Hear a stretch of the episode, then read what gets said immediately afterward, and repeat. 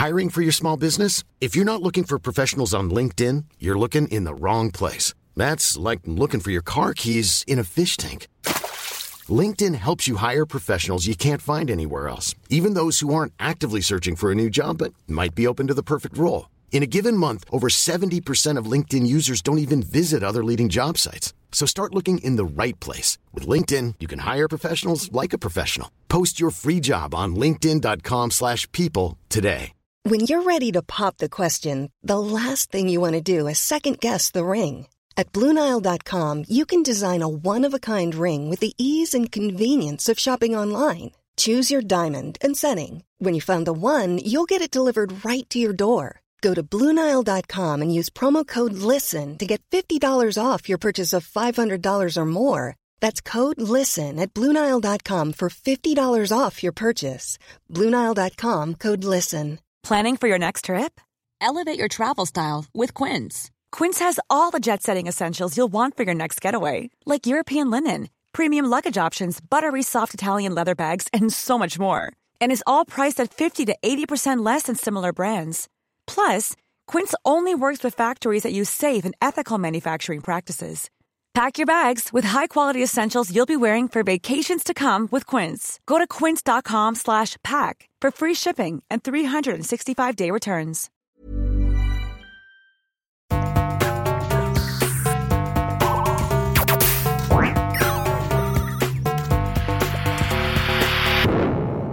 Velkommen til Sinnsyn. Jeg heter Sondre Risom Livre, er psykolog, og dette er Webpsykologens podkast. Hverdagspsykologi for fagfolk og folk flest.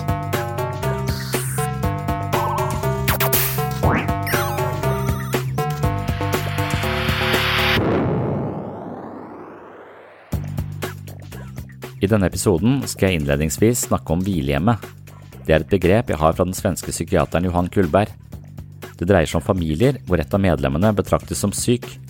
Siden personen er syk, må man behandle vedkommende med omhu. Hvis det dreier seg om psykisk sykdom, kan det hende at man føler seg forplikta til å si ting som ikke gjør personen følelsesmessig opprørt.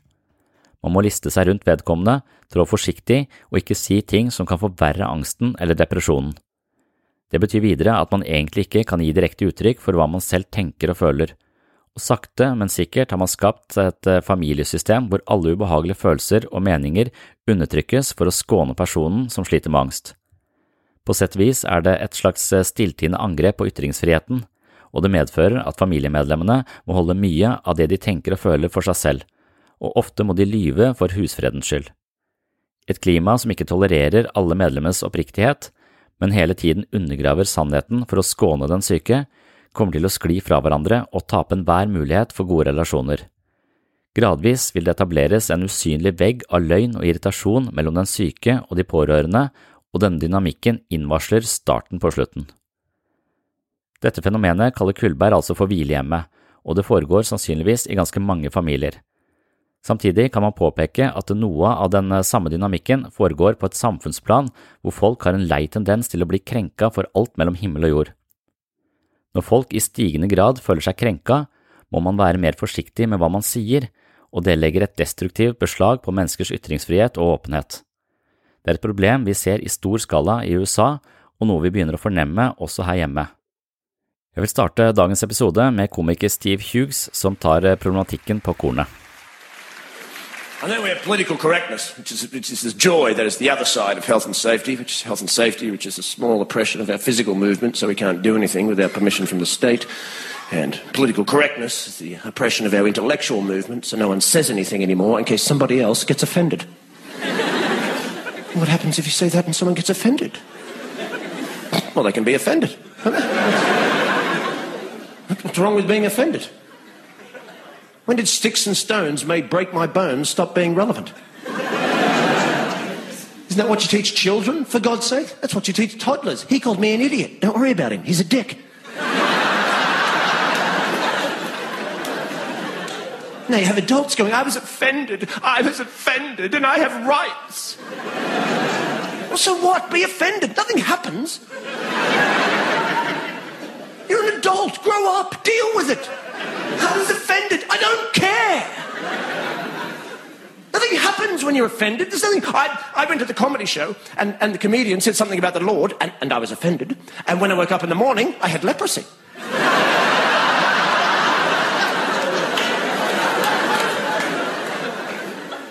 Nothing happens. I want to live in democracy, but I never want to be offended again. Well, you're an idiot. Do you make a law about offending people? How do you make it an offence to offend people? Being offended is subjective. That has everything to do with you as an individual, or a collective, or a group, or a society, or a community, your moral conditioning, your religious beliefs. What offends me may not offend you, and you want to make laws about this? I'm offended when I see boy bands, for God's sake. it's a valid offence. I'm offended. They're corporate shills posing as musicians to further a modelling career, and frankly, I'm disgusted. Right? What am I going to do? Call the cops? Hello, it's me again. They're on the telly this time. Five of them, that's it.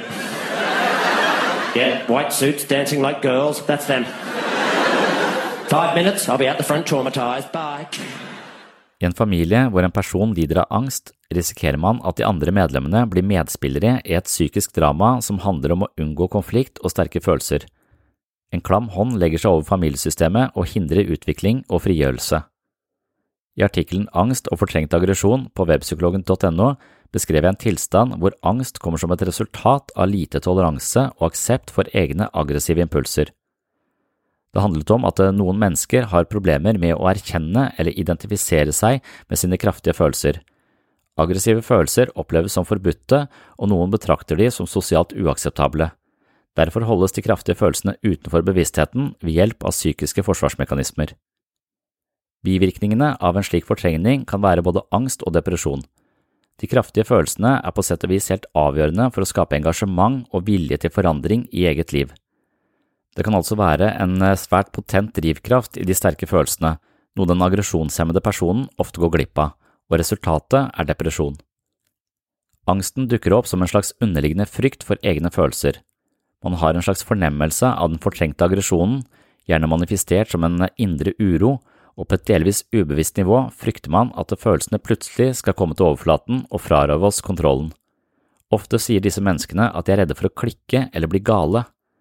Når man på et ubevisst nivå er redd for egne følelsesmessige reaksjoner, blir man også sårbar for konflikter eller opplevelser som ansporer oss til å føle. Det er gjerne i møte mellom mennesker at vi føler mest, og dermed kan de som sliter med denne typen angst, ha en tendens til å isolere seg.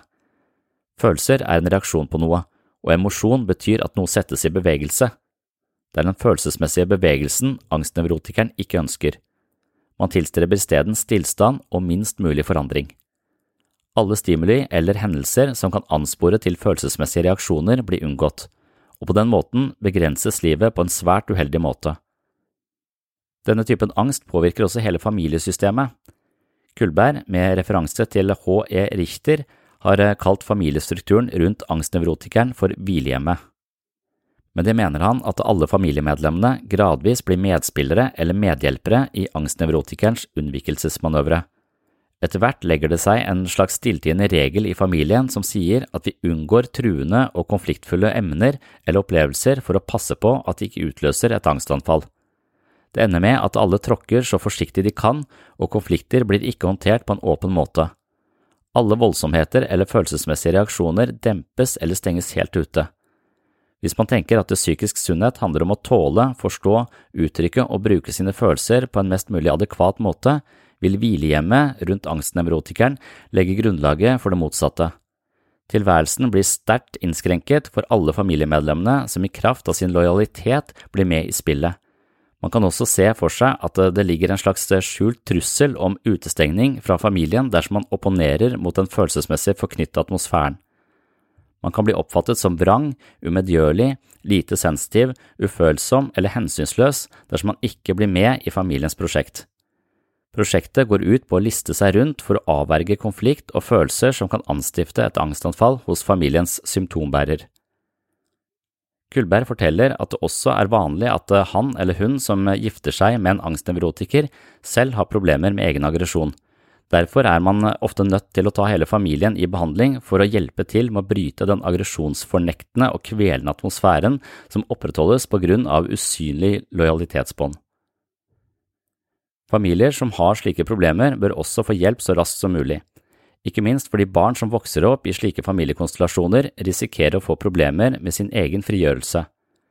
Familiemedlemmene tror at de hjelper til ved å holde sine frustrasjoner eller følelser på avstand, altså skåne personen med angst, mens de dypest sett er med på å forsterke en familiestruktur som til sist vil kvele alle medlemmene.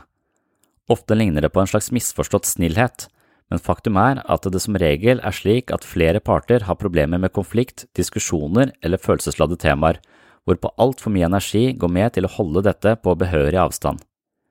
Det er nesten som å øse en båt som lekker istedenfor å tette hullet. Rundt angstnevrotikeren får de andre familiemedlemmene sine bestemte roller. Personen med angst har gjerne en tendens til å kreve støtte og omsorg av sine nærmeste, og har ofte fokus på at de andre skal forstå hvordan det er å ha angst. Forklaringene på opplevelsen av angst kan i verste fall fungere som legitimering av videre trygghetsskapende og aggresjonshemmende tiltak. De andre i familien forstår hvordan personen med angst har det og hjelper til så godt de kan, men hjelper de på riktig måte? Ofte er det slik at den ene parten har påtatt seg rollen som omsorgsfull, noe angstnevrotikeren enten direkte eller indirekte krever av sine omgivelser. I terapi blir det ofte vanskelig å motivere personen til å avstå fra det som gir dem opplevelsen av trygghet i hverdagen. Eksempelvis er det ikke uvanlig at familien har en ordning hvor ektefellen umiddelbart går fra jobb dersom pasienten får et angstanfall. Det er heller ikke uvanlig at personen med angst krever at partneren ikke reiser vekk eller går ut med venner om kvelden og lignende. Den angstnevrotiske personen er med andre ord avhengig av sine medspillere og sekundærgevinsten er en stor grad av omsorg, ivaretagelse og aksept for at det ikke er tillatt å bli sint, utfordre eller uttrykke følelser som kan skape uoverensstemmelser. En klam hånd blir lagt over familien. Noen partnere har i tillegg et sterkt behov for å være den som ofrer seg fordi de på denne måten høster anerkjennelse fra omgivelsene. Han eller hun er så flink og stiller opp for sin syke kone eller mann. I slike tilfeller utvikler det seg en dynamikk hvor den ene hjelper den andre ved å legge til rette på en slik måte at de aggresjonshemmende forpliktelsene blir sterkere og sterkere slik at angsten vinner mer og mer makt over hele familien. Jo lengre man unngår sine sterke følelser og konflikter, desto mer øker vår frykt for det indre kaoset, noe som videre sørger for at angsten eskalerer ytterligere og unngåelsesatferden blir enda mer omfattende. Som terapeut kan det være uhyre vanskelig å behandle en slik pasient eller en slik familie. Ofte får man rollen som konkurrent eller den som prøver å ødelegge idyllen, eller den som trenger seg på med forslag som strider imot hvilehjemmets uskrevne kjøreregler. Man må være varsom, og ofte mislykkes behandlingen. Familiens prosjekt er å unngå følelser, mens terapeutens prosjekt er å møte følelser. Sånn sett blir terapeuten lett en skremmende forstyrrelse i familiens forsøk på harmoni og mindre angst. Angstnevrotikeren ser ikke at det hele familien hemmes fordi de er på en konstant flukt fra følelser og konflikter. Uro skaper voldsomme angstanfall, og det vil de unngå så langt det lar seg gjøre. Med andre ord streber man etter stillstand og blokkerer alle muligheter for utvikling. Det var det jeg ville si innledningsvis om eh, hvilehjemmet, og det baserer jeg altså på boka til Johan Kullberg som heter Dynamisk psykiatri i teori og praksis, det er en eh, gammel bok fra 80-tallet, men den har vært eh, en trofast følgesvenn i min kliniske praksis og hverdag i mange, mange år. Så den boka den eh, har jeg alltid satt stor pris på. Nå skal vi ta turen til Mandal. Det er andre del av foredraget til de pårørende. Det er altså NKS, Norske kvinners sanitetsforening, med Mette Marie Revheim i spissen, som har engasjert meg til å holde et foredrag hvor jeg skal snakke litt om eh, hvilehjemmet i eh, dette segmentet. Eh, I utgangspunktet så snakket jeg en del om empati og hvordan denne empatien som kanskje er litt for sterk, eller mennesker som har en sterk tendens til å leve seg inn i andres følelser, og i tillegg er litt affektfobiske, altså et ønske om at vi ikke skal ha så mange ubehagelige følelser, lett kan komme i den typen dynamikk som jeg har snakket om innledningsvis her. Så de pårørende de er jo i en vanskelig situasjon. Eh, hvor balansen mellom å stille krav til de menneskene som de har rundt seg og bryr seg om, eh, kontra det å avhjelpe og prøve å roe ned og ikke skape mer angst og uro der det allerede var mye angst og uro fra før. Eh, det er et eh, problem, og hvis man har eksempel rusmisbrukere i familien osv., så, videre, så kan det være man går på listesko fordi at man er redd for at eh, hvis man sier noe feil eller uttrykker seg mer direkte eller åpent, så kan det være at personen begynner å ruse seg igjen. Så da er det en slags følelsesmessig hijacking eller følelsesmessig manipulering som ofte er på spill i denne typen familier, og det kan være veldig, veldig vanskelig å komme seg ut av. Målet mitt med dette foredraget var å prøve å sette noen ord på den dynamikken som lett oppstår mellom en hjelper og den som skal eh, hjelpes, og når dette er våre nærmeste, så kan det bli veldig komplisert. Det har jeg full forståelse for og veldig stor respekt for. Jeg synes eh, mange pårørende gjør en enorm innsats, og jeg synes ofte at de blir eh, litt forsømt i helsevesenet, at de får litt lite bistand og hjelp, så de sitter med mye på hjemmebane, mange av disse folka her. Så jeg var glad for muligheten til å kunne snakke litt om, eh, ja, om hvilehjemmet, snakke litt om følelser, hvordan vi ofte føler oss fanget av andres eh, mer eller mindre subtile krav til hvordan vi skal og ikke skal oppføre oss, og hvordan det i verste fall kan forsterke en problematikk snarere enn å løse den. Så det jeg håper er at eh, de i publikum, altså de pårørende, kunne ta med seg noe av dette hjem og eventuelt omsette det til praksis der hjemme. Det er jeg usikker på om jeg fikk til, men jeg gjorde så godt jeg kunne. Tematikken her er eh, litt kjent fra tidligere episoder. Det handler om å forstå følelser og bære poser og bære andres eh, følelser på sin egen rygg, og, sånne, og passe på at man ikke brekker ryggen. Det var eh, tema. Og for de som har hørt det før, de kan jo eventuelt bare skru av her, og de som synes at tematikken er interessant, må da følge med nå i andre segment av dagens episode, hvor vi skal tilbake til Mandal. Det er 28. august 2019. Sensommer, eh, godt vær og en veldig hyggelig forsamling i eh, Mandal. Da vil jeg bare skrike rakt ut. For å få ur med allting, liksom familjen och jobbet. Alla förväntningar. Ja, allt. Jag förstår. Då tycker jag vi gör så här. Att eh, om du tänker en stor, stor eh, gryta. Ja. Och sen i den här grytan så tar du alla förväntningar, all pressen, all ångest som du känner, allt som du känner. Ja. Så slänger du ner det i grytan. Ja. Så när du har gjort det så tar du fram ett lock, ett jättetungt lock. Järnlock ska det vara. Så lägger du det på grytan. Så att du stänger inne alla förväntningar, all press. Som en jävla tryckkokare. Så att du stänger inne skiten i dig själv. Då tror jag att du kommer må mycket bättre om du tänker så istället.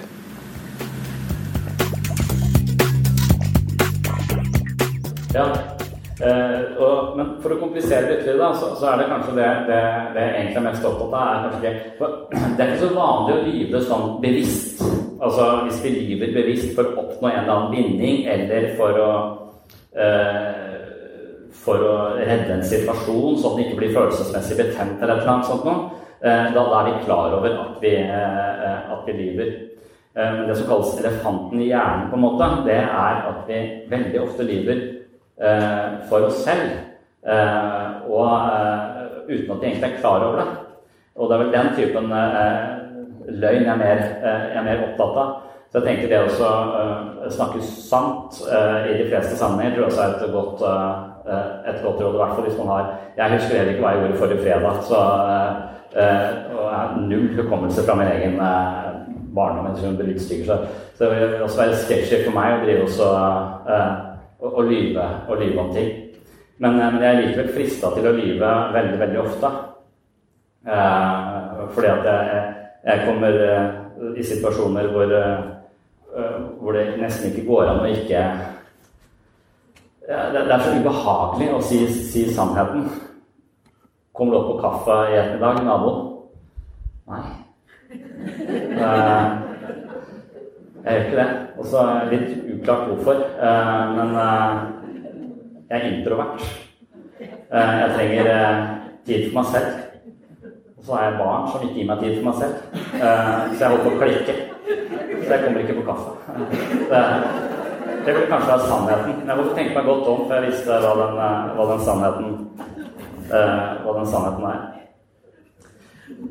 Så, men Jordan Peterson er liksom litt i, i, i vinden uh, for tiden. Han har disse eksemplene om disse dragene. Han er også veldig opptatt av mytologi og hvordan drager oppstår. Uh, og Det er en sånn, uh, det, det, handler litt om dette med, med løgn. Altså han snakker om lille Billy som våkner en morgen, og så sitter en drage på, på, senga hans. og Den dragen er for så vidt ganske liten og søt, altså, så det er ikke, det er ikke noe stress foreløpig. men etter hvert så vokser den dragen og blir større. Eh, så da synes, blir Billy litt usikker på dette. Han går ned til moren sin og sier 'mamma, det er en drage på, på rommet mitt'. Og så sier moren at uh, drager fins ikke. Så, og tida går, og etter hvert så begynner den dragen å spise opp pannekakene til Billy. Det er jo ufint. Dette er en barnebok jeg faktisk har hjemme selv, som jeg leser for barna mine. Og denne dragen vokser og vokser og blir større og større. Og hver gang Billy roper til moren sin 'Det er en drage, det er en drage, dragen er stor, dragen skal ta meg', Eh, så sier moren bare 'drager fins ikke'. Eh, og, og etter hvert så blir den dragen så stor eh, at den vokser helt ut av huset og stikker av med hele huset. Så når faren kommer hjem, så er huset borte. Og da ser han at det er en drage som løper der oppe med huset på, på, på ryggen, så han løper etter og hopper inn i huset. Og så sier han da til, til moren 'Hva er skjer her? Det er en drage her.' Og da uh, våkner moren og sier ja, jøss, det er en drage her. Uh, og det hun har drevet med, hun har gått og vaska og støvsugd under dragen. Hun har på en måte bare ikke sett den eller anerkjent denne, denne dragen. Men idet moren anerkjenner dragen, uh, så, så, blir den mye mindre. Den, den, den, blir tilbake til den lille, koselige dragen. og så spør hun da på slutten av boka Willy, hvorfor tror du, hvorfor tror du dragen ble så stor? Ja, kanskje den bare vil bli hørt, sier Billy, Billy da. Og jeg tror det er et at i barnefortellingene hvor det er som forteller noe om denne oppriktigheten. Det å feie følelser under teppet, eh, late som om det ikke eh, betyr noe. Eh, at vi alle mennesker har en slags sånn affektfobi, da, hvor det er mye lettere for oss å prøve å unngå følelsesmessig smerte. Og særlig hos andre, særlig hos barna våre også. Så vi gjør alt vi kan, og gjerne da små løgner eller 'Nei, det spiller ingen rolle. Jeg har ikke tenkt sånn. Nei, du er jo så flink.' Hva hvis han ikke er så flink, da? Da er jo det en, og, og, og du ser det. Eh, så, eh, så, jeg tror eh, hver gang vi gjør sånne ting bare for å få en slags følelsesmessig befrielse i øyeblikket, så vokser det drager hjemme hos oss. Dette her er drager. Så, så det å være og Ofte så er vi ikke klar over at vi, eh, vi, på en måte undergraver følelser eller ikke tar hensyn til det. Det ligger bare som autopilot. Det virker følelsesmessig vanskelig for oss, så, så vi snur oss eh, en, annen, en, annen, vei. I tillegg så har vi et helt eh, eget sånn psykisk forsvarsverk som sørger for at vi ikke tar på en måte sterke følelser innover oss. For det, hvis vi får for sterke følelser, så lider vi et slags psykologisk sammenbrudd. Så vi kan bare ha Vi, vi har en slags toleranse det er kanskje det man kan si er mental styrke. da. Jeg kan løfte 45 kilo i benk, kanskje. Jeg vet ikke, kanskje 50. Eh, og det er min fysiske styrke i brystmusklene. Eh, og så har vi en tilsvarende eh, styrke eh, mentalt som handler om hvor mye følelser vi tåler. Eh, og, og, og, det å tåle følelser, det å tørre følelser, det å være oppriktig om sine egne følelser, det anspor ofte andre til å tåle sine, eh, sine følelser. Eh, så det å være terapeut, pårørende, medmenneske, forelder, handler veldig ofte om å ha et slags avklart forhold til egne følelser og vite hvor man ikke er, avklart, og så tåle, tåle følelser. Så, så, så når da mennesker kommer inn på mitt kontor og snakker om at de vil dø, Eh, jeg er ikke interessert i å dø. Jeg, er redd for døden. Eh, jeg syns det er helt uhensiktsmessig. Eh, og, når da folk vil det, eller er så deprimerte at de ønsker å dø, så blir jeg lett litt stressa. Jeg liker ikke døden som tema. Og det vet jeg er en svakhet i meg. Og hvis jeg blir redd for denne døden, og da har sykehuset kalkulert med at jeg ikke tåler døden, så de har gitt meg 250 prosedyrer jeg må følge, Sånn at jeg blir til en robot med en gang noen snakker om døden. Og så, bare, så stiller jeg alle de riktige spørsmålene, sånn at jeg ikke skal havne i heisen eh, når den personen eventuelt tar livet sitt. Eh, og, og, da kan jeg jo fortsette i mitt daglige virke når den personen dør, da. Eh, men, men, det å snakke til meg om døden og bare oppleve at jeg blir forvandlet til en robot, det er jo ikke noe særlig Jeg tror ikke det er så lurt. Altså, jeg, så jeg har tenkt at som terapeut så må jeg utforske døden. Døden er et vanskelig tema for meg. Jeg må tåle døden for å kunne sitte ved siden av andre mennesker som, som har tanker om døden. For Hvis jeg viser at jeg ikke tåler døden, eh, og bare skaper avstand til den personen, så er det ofte tanker om døden handler om avstand, ensomhet, følelse av ikke være delaktig i et eller annet meningsfullt fellesskap. Og Hvis jeg da blir, blir en robot når det er snakk om døden, så forsterker jeg bare det som i utgangspunktet har ført til denne suicidaliteten, eh, kan man si. Eh, så jeg hater prosedyrer som gjør mennesker til roboter. Så, så, jeg er liksom trent på at når mennesker snakker om døden, så vet jeg at dette er vanskelig for meg, men jeg må tørre å sitte her. Jeg må tørre dette her. Jeg må tørre å stirre døden i hvitøyet sammen med dette andre mennesker, ikke bare feie under, under teppet. For det er lett. Men du har så mye å leve for. Du har jo barn og tenker på barn. Til slutt så begynner du å true dem. Ja, men hva, hva, med barna dine? Ja, de kommer ikke liksom, Så til slutt prøver du å true folk til å, til å ikke ta, ta livet sitt. Eh, eh, og da veit du at du er litt på gyngende grunn. ikke sant? For at du er så redd for denne følelsen. Du prøver febrilsk å få den, uh, få den vekk. Uh, uh, og, det er jo sånn da en sånn Og det er så mange sånne ting altså, med, med følelser vi ikke tåler, så skjer det så mye Det er så masse dynamikker mellom mennesker som på en måte gjør at vi ikke finner sammen eller får de relasjonene vi, vi, vi trenger. Eh, og jeg tror det som pårørende, eller som pappa, eller hva man skal si altså at det uh, Vi ofte opplever at de menneskene som, som, står rundt oss, de betyr så mye for oss. Og da vil denne empatien og denne litt frykten for sterke følelser ødelegge relasjonen på et eller annet tidspunkt. Der. Altså, folk, noen ganger møter jeg også mennesker som, som jeg tenker hver gang jeg sier noe ubehagelig, eller hver gang jeg er oppriktig, så vil du ta livet ditt. Det er som om du straffer meg hver gang jeg viser deg virkeligheten. Eh, sånn jeg opplever, eh, opplever det. Eh, og det er en måte på en, måte, en slags følelsesmessig hijacking da, av, av, meg.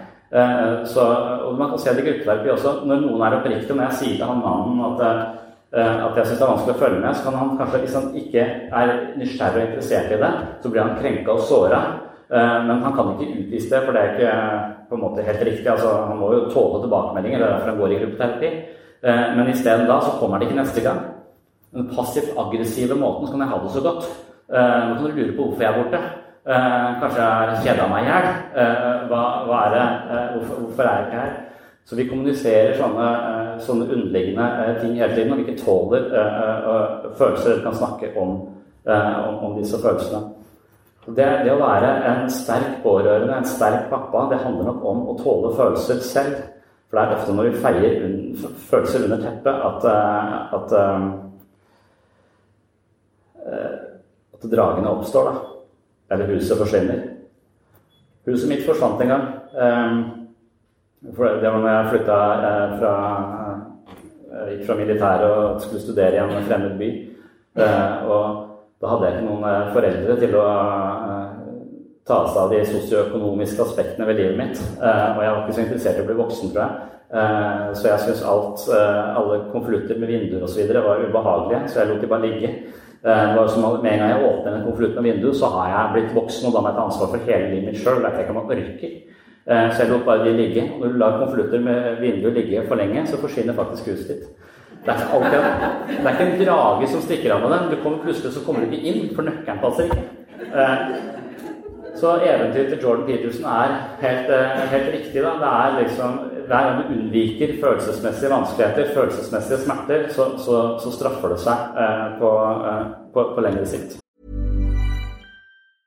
This is Paige, the co-host of Giggly Squad, and I want to tell you about a company that I've been loving, Olive and June. Olive and June gives you everything that you need for a salon quality manicure in one box. And if you break it down, it really comes out to $2 a manicure, which is absolutely insane. It's also so easy to get salon worthy nails at home with Olive and June. The difference between how your nails used to look when you did them yourself and now with the Manny system is a complete game changer. The best thing about Olive and June too is it's a quick dry, dries in about one minute, lasts for five days, and full coverage in up to one to two coats. Visit oliveandjune.com slash perfectmanny20 for 20% off your first system. That's oliveandjune.com slash perfectmanny20 for 20% off your first system. When you're ready to pop the question, the last thing you want to do is second guess the ring. At Bluenile.com, you can design a one of a kind ring with the ease and convenience of shopping online. Choose your diamond and setting. When you find the one, you'll get it delivered right to your door. Go to Bluenile.com and use promo code LISTEN to get $50 off your purchase of $500 or more. That's code LISTEN at Bluenile.com for $50 off your purchase. Bluenile.com code LISTEN. Hey there, it's Michelle Norris. I'm host of a podcast called Your Mama's Kitchen. When I travel, I'm usually looking for a way to find a taste of home when I'm not at home. And one of the things I love to do when I am at home is entertain. And Airbnb allows me to do that. When I was in California recently, I rented a house that had a great kitchen. And when we were sitting around the table, we're all thinking, we're in someone else's house. Someone could be in all of our homes as well. If you have a home, but you're not always at home, you have an Airbnb. Your home might be worth more than you think. Find out how much at airbnb.com/slash host.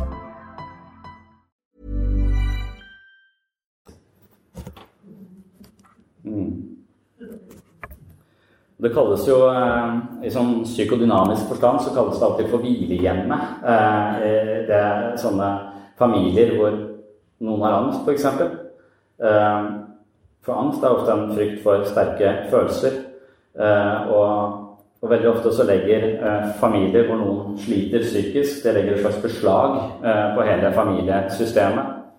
For siden jeg har det så vanskelig, og vedkommende uttrykker det, så vil de som står rundt, føle seg programforplikta til å ikke legge flere lodd til byrden.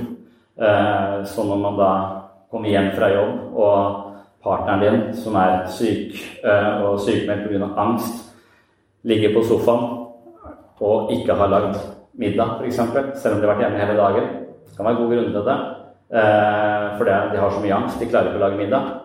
Men at ikke det er like irriterende, det er ganske menneskelig.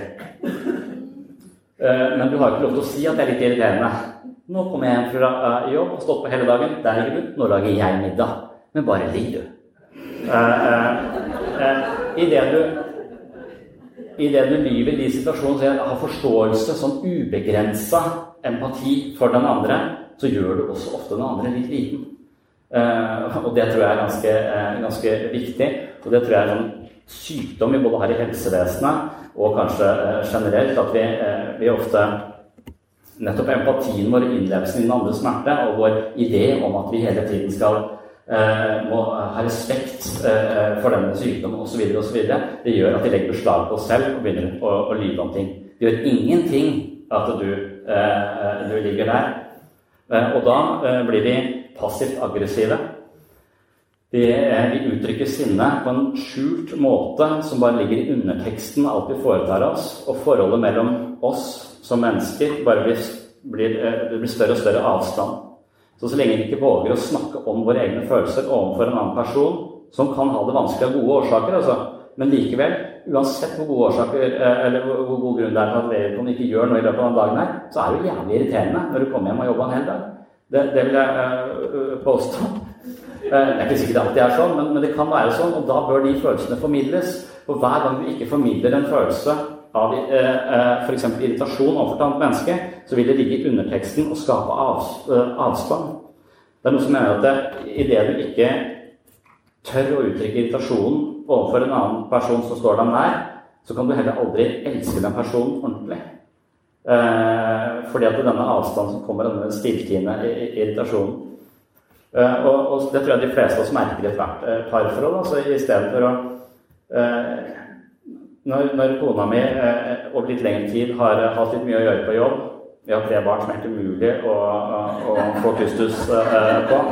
Det er et kaos uten like. Eh, man har fotballtreninger og alt mulig styr hver eneste, hver eneste dag. Eh, og da, da, er det vanskelig å holde ting i orden.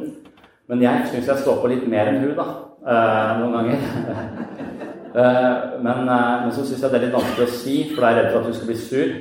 Og jeg er litt redd for følelser, så da sier jeg det ikke. Istedenfor som martyrstøvsuger. Og det at jeg støvsuger akkurat der hun sitter. Og så sier jeg bare sitt, du. Ikke tenk på det. Jeg skal bare støvsuge. Og det er passiv-aggressiv støvsuging.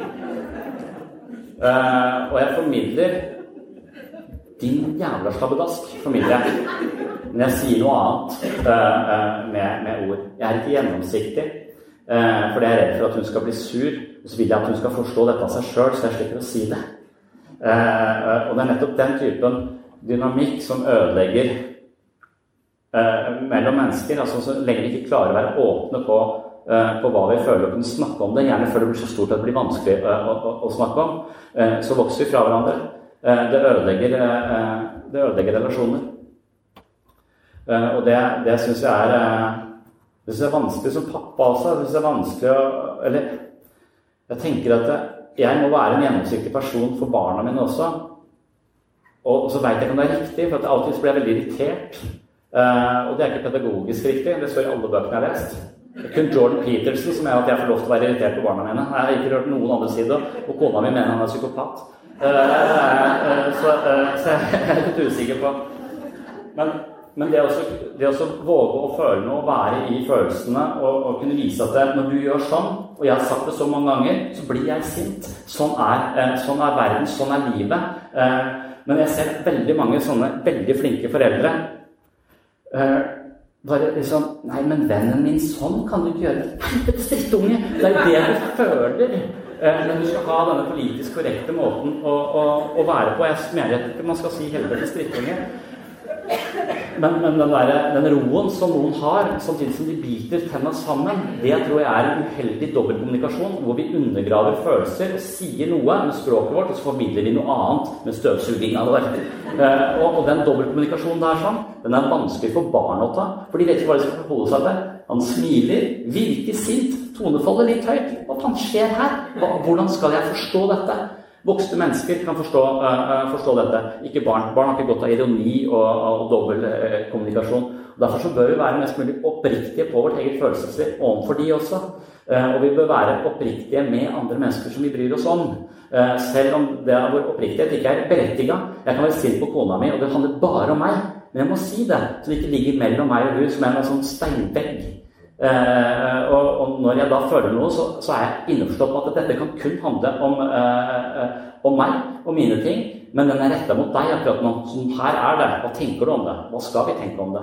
Eh, og hvis vi klarer det, så tror jeg vi kan vokse ganske godt, eh, godt sammen. Eh, og, og, det tror jeg også er jeg tror det er vanskelig som pårørende. Jeg tror det er vanskelig som pappa etter hvert som man blir Barna blir eldre også. Man sier små barn, små problemer. Store barn, store problemer. Foreløpig er jeg bare små barn med små problemer, så jeg gruer meg. Um, for eksempel sånn som rusmisbruk.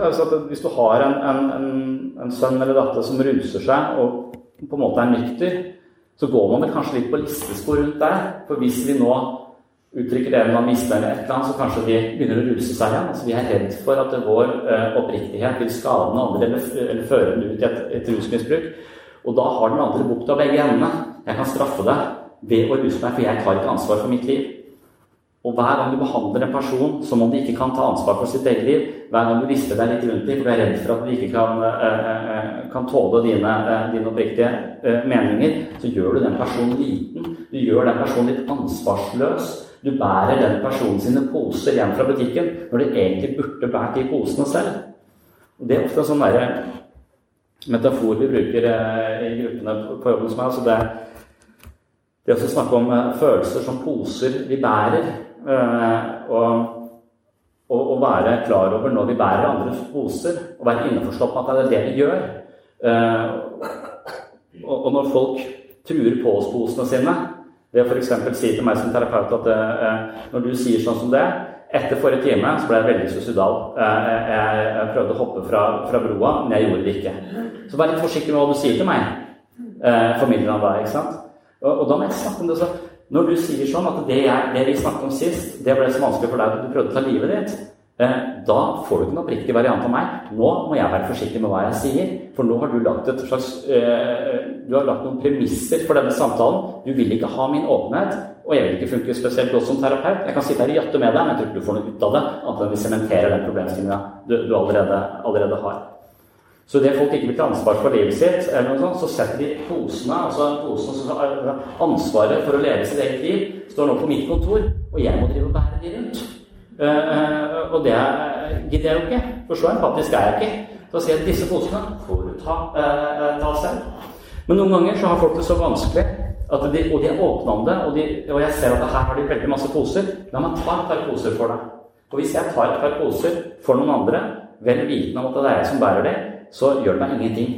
Jeg, har, uh, jeg kan lett bære noen poser ekstra. Men jeg er veldig klar over at hvis jeg bærer disse posene for lenge, så blir den personen som ikke bærer posene sine sjøl, svakere og svakere. Det er akkurat som i gips. Det, hvis, du ikke begynner å bruke beina etter å ha tatt av gipsen, så blir det beinet bare svakere og svakere. Du er nødt til å bruke det. Så vi er nødt til å tåle våre egne følelser. Vi er nødt til å bære våre egne, eh, egne poser. Uh, og jo flere poser vi orker å bære, jo mer ansvar vi klarer å ta for vårt eget liv, jo mer meningsfullt blir livet vårt. Og hver gang vi lar andre mennesker bære våre poser, og hver gang vi bærer andre menneskers poser, så undergraver vi deres mulighet til å bli selvstendige, og de undergraver sin egen mulighet til å få et meningsfullt liv. For det som gir livet mening og, og dybde og fylde, det er at vi evner å ta ansvar for livet vårt på, uh, på egen hånd. Og hver gang vi ikke gjør det, så føler vi oss svake og egentlig uegna til å, å, å leve. Uh, og, og, det er behagelig. Det kan være veldig behagelig at noen bærer posene for oss. For det er litt lettere å gå til og fra butikken uten å bære disse uh, tunge posene. Men, men, prisen vi betaler, er tap av selvfølelse, egenverdi og, og mening på, på, på, lengre sikt. Så tenker jeg også er en måte å snakke om hva som foregår følelsesmessig mellom, mellom mennesker. Så som personlig, når jeg, jeg, har gått i terapi flere ganger selv, som, som en ledd i utdannelse og veiledninger osv. Uh, og jeg tenker at jeg, det, det, er noe med når mennesker har en slags mangel i seg, så trenger vi støtte. De trenger vår støtte, og vi trenger å bære på hos litt. Men så må vi langsomt gi tilbake, eh, tilbake posene. Eh, jeg har ikke så mye mangler i meg, tror jeg, sånn psykologisk sett. Jeg mangler en hel haug av ting, men, eh, men, men, jeg er nok mer i konflikt, så jeg er nok redd for å, å få en terapeut uh, som tar posene mine. Så jeg er redd for at folk skal stjele posene mine. uh, for det gjør meg. Så jeg vil heller at uh, Se på det her, de posene har du ikke ansvar for. Vær de i tillegg, du.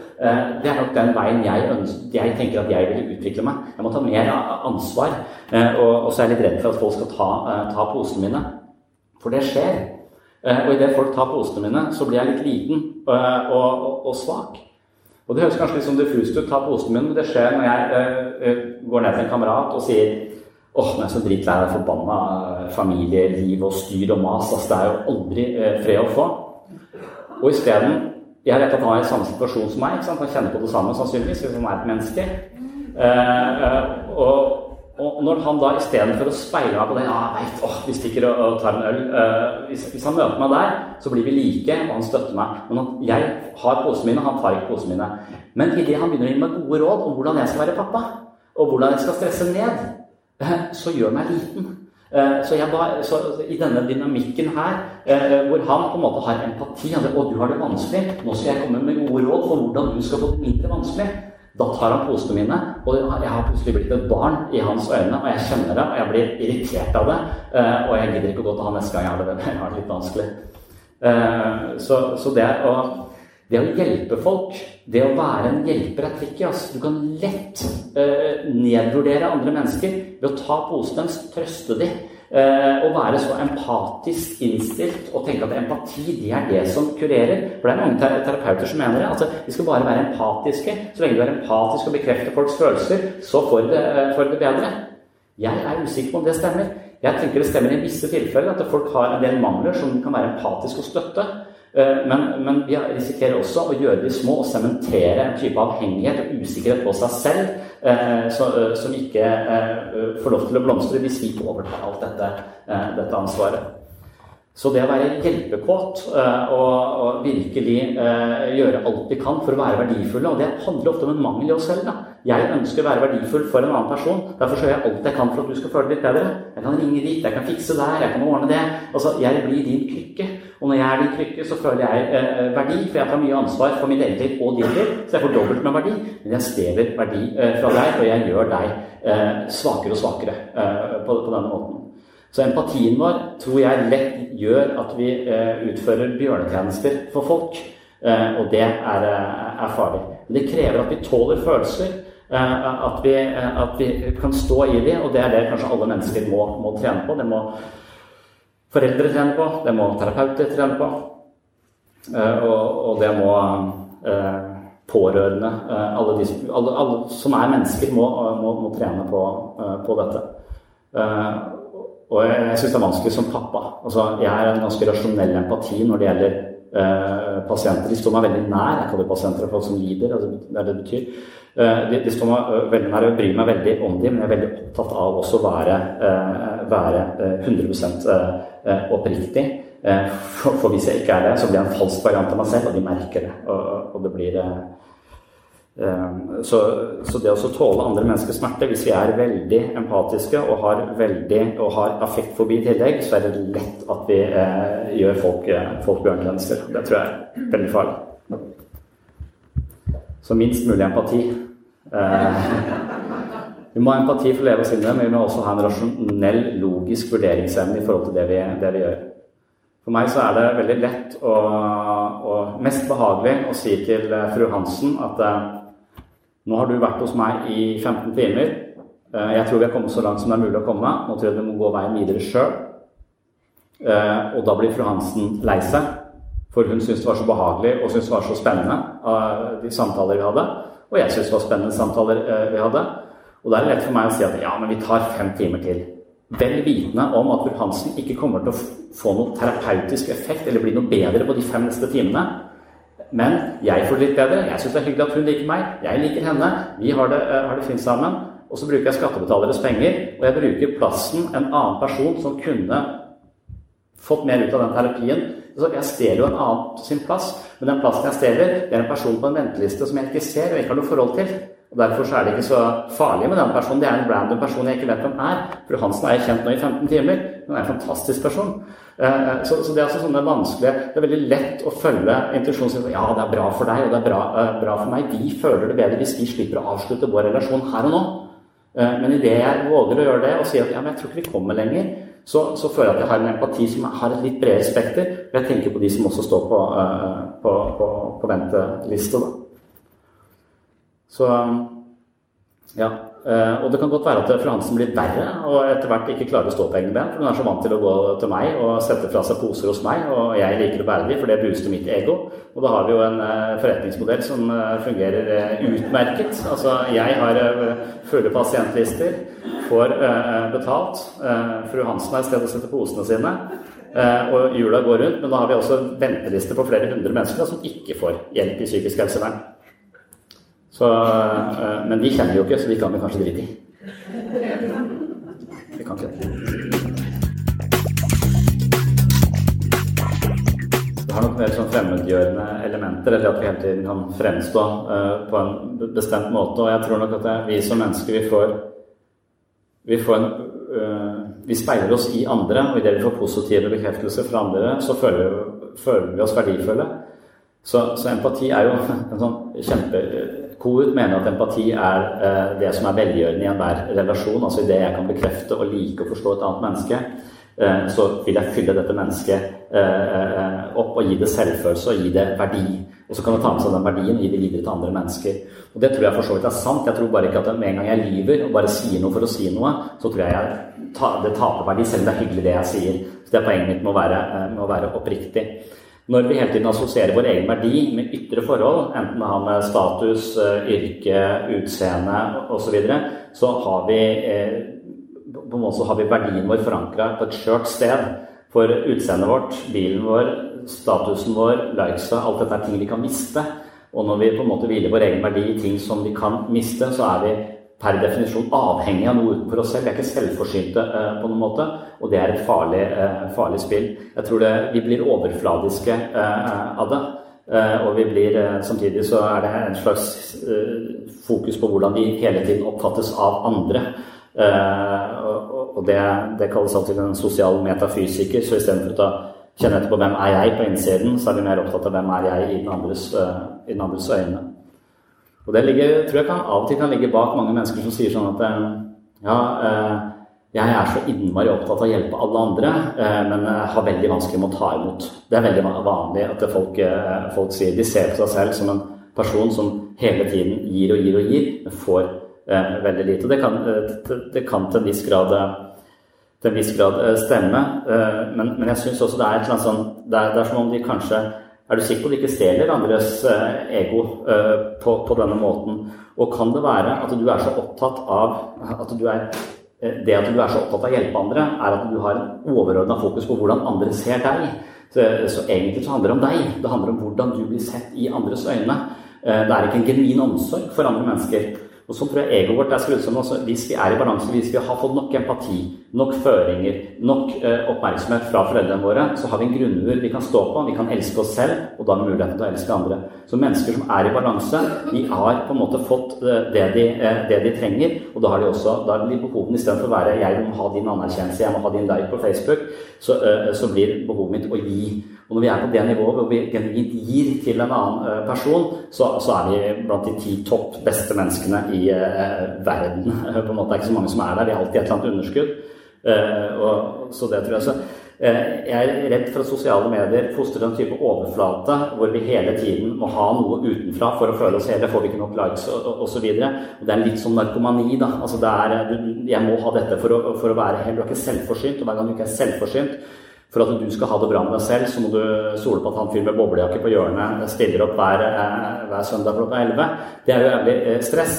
Eh, så, så det å hvile, hvile, i seg selv og Da, da kommer empati inn som terapeut som noe som er viktig ting. Altså Mennesker som ikke hviler i seg selv, som er mer opptatt av utseendet og, og har, fordi de alltid har fått oppmerksomhet på utseendet. Det er utseendet ditt som har illustrert at jeg har en verdi hos andre mennesker. og møtte en jente som var ekstremt sånn forførende og sånn. Hun viste at hun var jo seksuelt misbrukt av, uh, av, uh, av uh, faren sin. Og hun hadde fått masse positiv oppmerksomhet på utseendet sitt. Det veldig få som hadde sett hvem hun var på innsiden, så hennes verdi var i utseendet. Det var ikke som det hun presenterte på, min, på mitt kontor òg. En veldig sånn flørtende måte å, å, være på. Som dette er det eneste jeg har tilby andre mennesker. For, for alt annet i meg har aldri blitt bekrefta. Uh, og, og, det å da hele tiden leve et liv online hvor du blir bekrefta på dette på utsiden Det er ikke akkurat som å bli seksuelt misbrukt, men det er litt likt, på en måte. Uh, og, og, det tror jeg kan være en uh, Det at vi lever stadig mer der. Og det er bare én av hundre andre ulemper. F.eks. at vi ikke har oppmerksomhet lenger. Det er ingen i dette landet som har eh, lest en bok fra perm til perm, eller lest i over en time. Ja, noen har ikke lest en bok fra perm til perm, men ingen som har lest i en hel time i strekk uten å sjekke telefonen sin. Da tilhører en liten minoritet. Eh, så oppmerksomhetsspennet vårt blir bare trangere og trangere. og trangere. Vi blir mer og mer overfladiske. Vi mangler dybde. Vi blir sånn Donald Trump-aktige. For han har jo en oppmerksomhetsspenn som har ca. åtte sekunder. Hvis han ikke leser navnet sitt i løpet av åtte sekunder, så gir han opp. Det, så de må jo bevisst legge navnet hans på hver fjerde linje for at han skal følge med. Da er du, ganske, da er du rimelig eh, underernært på, eh, på bekreftelser, og så, og så, spiser du det fra, eh, fra, fra verden.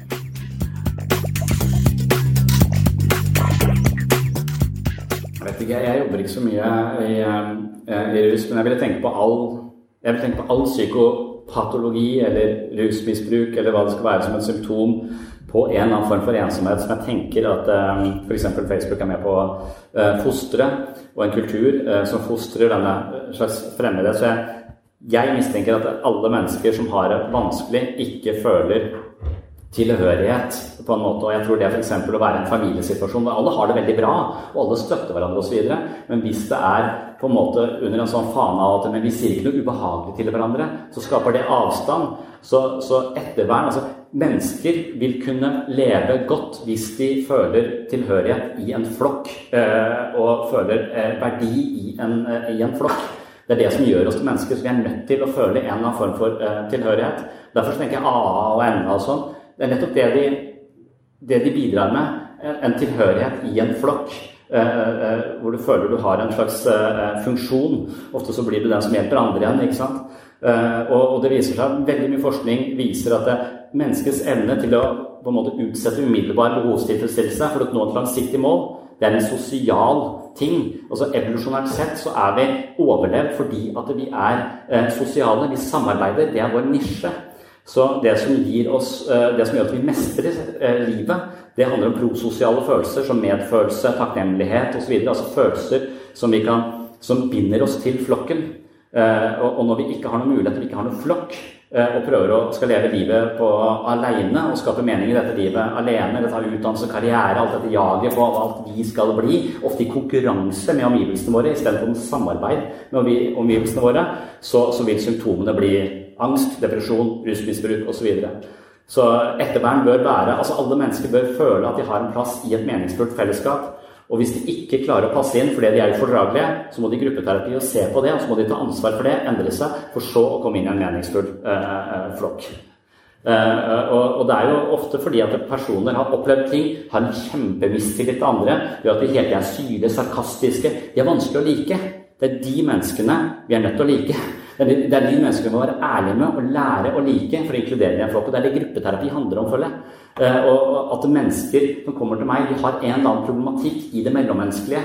Eh, de føler seg ikke helt i hakk, de føler seg ikke at de går i samme takt som folk rundt seg. De føler seg at de stadig vekk blir utestengt osv. Og, så og da kan vi ikke si at ja, verden er forferdelig, alle andre mennesker er forferdelige. Men se, hva er det du kan gjøre for å bli del av en folk? Du må ta ansvar for dette. Eh, og det syns folk er litt vanskelig. Det er også litt sånn trikk at det, det er en forskjell på å Jeg mener at alle mennesker må ta ansvar for livet sitt, selv om at de har det vanskelig, ikke er deres skyld.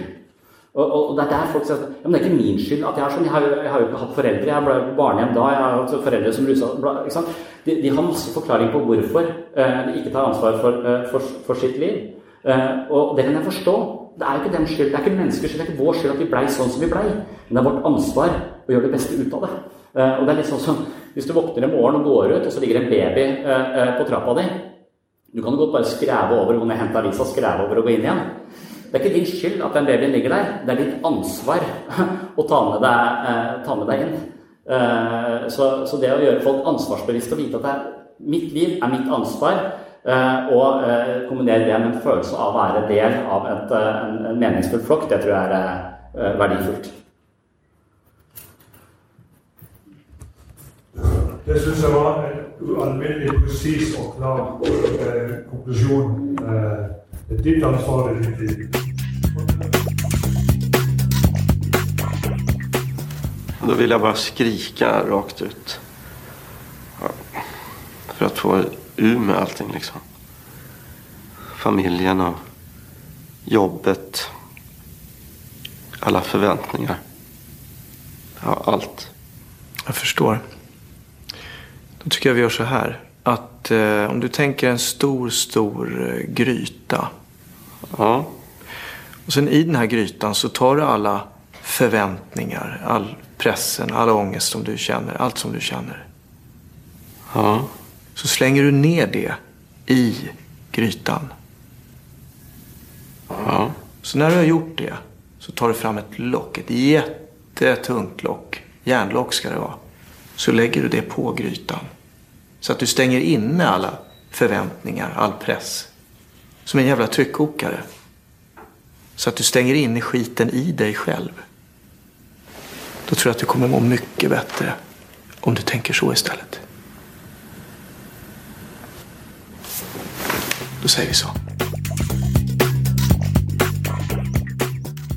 Takk for at du hørte på Sinnsyn. Takk til alle som har eh, støtta podkasten med anbefalinger og stjerner og små kommentarer i iTunes. Det setter jeg stor pris på.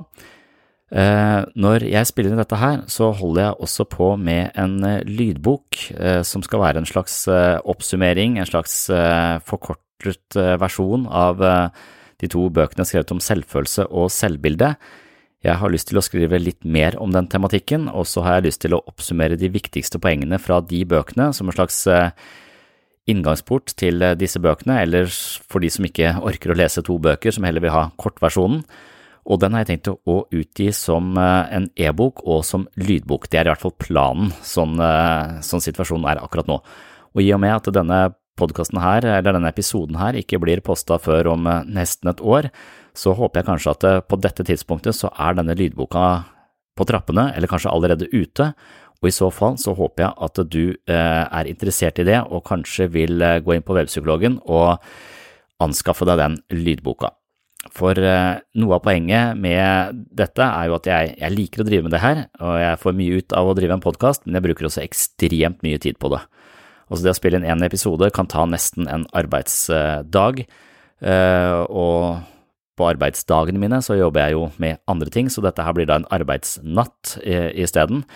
Eh, så det krever mye tid, det krever også en del økonomiske ressurser i forhold til kjøp av bilder og plattformer og webdesignere etc., etc., så det er et kostbart prosjekt, så på en eller annen måte, for å kunne forsvare å drive med dette, så må jeg ha en eller annen form for inntekt, og det å drive podkast er ikke veldig lukrativt, man tjener jo ikke noe på det. Så den eneste måten jeg kan få inn noe eh, økonomisk støtte på, er da å eventuelt selge bøker, og da kanskje denne lydboka, hvor eh, en større del av summen går da til webpsykologen og drifting av dette prosjektet her. Så jeg eh, håper at dere som setter pris på denne podkasten, og som pleier å høre på det, eventuelt kan vurdere å støtte med en økonomisk innsats i kraft av å kjøpe den nyeste lydboka, som eh, jeg tror kommer til å hete Identitet, selvfølelse og selvbilde. Men som sagt, dette her er altså på trappene nå, men når denne podkasten da er ute, så kan det være at den allerede er til salgs på webpsykologen.no. Så eh, hvis du liker det, så håper jeg også eh, på at du kjøper denne lydboka, anbefaler den til venner og bekjente, sånn at eh, jeg får noen midler til å drifte dette prosjektet videre. Jeg synes det er veldig gøy å holde på med det, men eh, som sagt, det er eh, veldig ressurskrevende. Yes, det var det for denne gang. Jeg håper du henger med i neste episode. På gjenhør!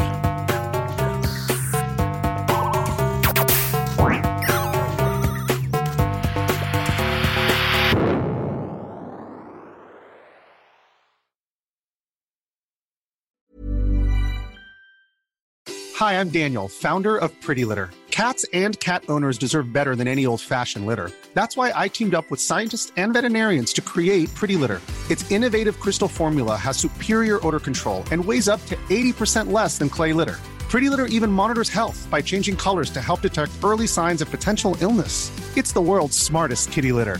Go to prettylitter.com and use code ACAST for 20% off your first order and a free cat toy. Terms and conditions apply. See site for details. Cool fact a crocodile can't stick out its tongue. Also, you can get health insurance for a month or just under a year in some states. United Healthcare short term insurance plans, underwritten by Golden Rule Insurance Company, offer flexible, budget friendly coverage for you. Learn more at uh1.com. Mom deserves the best, and there's no better place to shop for Mother's Day than Whole Foods Market. They're your destination for unbeatable savings, from premium gifts to show stopping flowers and irresistible desserts. Start by saving 33% with Prime on all body care and candles. Then get a 15 stem bunch of tulips for just $9.99 each with Prime. Round out Mom's menu with festive rose, irresistible berry chantilly cake, and more special treats. Come celebrate Mother's Day at Whole Foods Market